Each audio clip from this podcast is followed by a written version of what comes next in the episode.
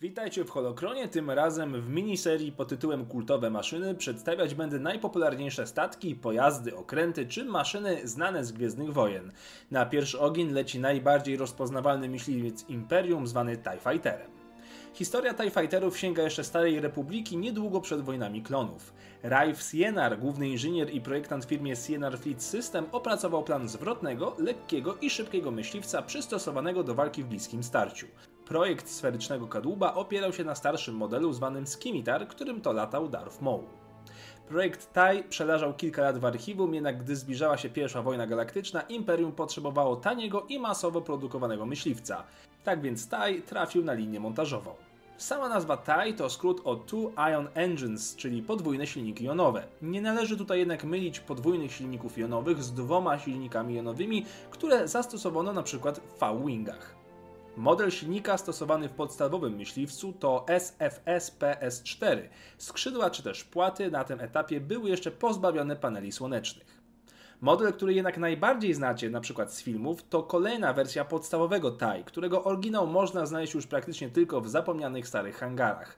Maszyny biorące udział w bitwie o Jawin to model LN, który szybko stał się najbardziej rozpoznawalnym symbolem potęgi Imperium. Był bowiem obecny na pokładzie każdego niszczyciela, na orbicie setek planek i pilnował porządku w dziesiątkach sektorów galaktyki kontrolowanych przez Imperium. Głównym atutem TIE Fighterów jest ich prędkość, długo zresztą niepobita aż do momentu wprowadzenia przez rebelię A-Wingów. Ogromna prędkość pozbawiła jednak myśliwca porządnych osłon czy katapulty dla pilotów. TIE nie posiadał również hipernapędu, a uzbrojony był jedynie w laserowe podwójne działka sprzężone. Maszyna miała też problem z ciągiem wstecznym, co uniemożliwiało jej skuteczne hamowanie. Nie posiada również podwozia, przez co lądować może jedynie na platformach przystosowanych do ich przyjęcia, choć ostrożny pilot będzie w stanie wylądować na skrzydłach maszyny. Piloci, prócz braku wspomnianej katapulty, nie posiadają także systemu podtrzymywania życia, przez co zmuszeni są pilotować maszynę w skafandrach ciśnieniowych.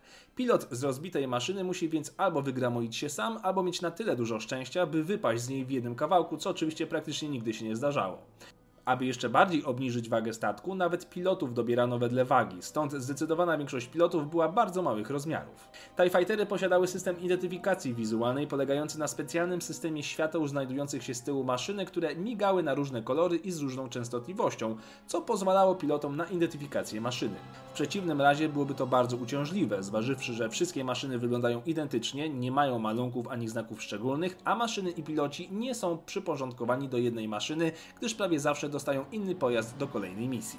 Na podstawie modelu LN rodzina TIE Fighterów powiększyła się o kilkanaście innych modeli, o których opowiem Wam zbiorczo w odcinku poświęconym ogólnie myśliwcom Imperium. Na koniec parę danych technicznych. Prędkość myśliwca to oszałamiające 10 jednostek, natomiast w atmosferze maszyna rozpędza się do 1200 km na godzinę. 6,3 metra długości, załoga w postaci tylko jednego pilota oraz ładowność około 65 kg. Jeżeli chcielibyście sprawić sobie nowiutkiego TIE Fightera, musicie liczyć się z wydatkiem rzędu 60 tysięcy kredytów, za używanego zapłacicie około 25 tysięcy. Tu jednak trzeba się liczyć, że naprawa maszyny jest bardzo uciążliwa z powodu braku części zamiennych, a oryginalne są dostępne jedynie u producenta. To wszystko na dziś dziś w kolejnym odcinku z tej serii przedstawię Wam podstawową maszynę rebelii, czyli X-Winga. Niech moc będzie z Wami.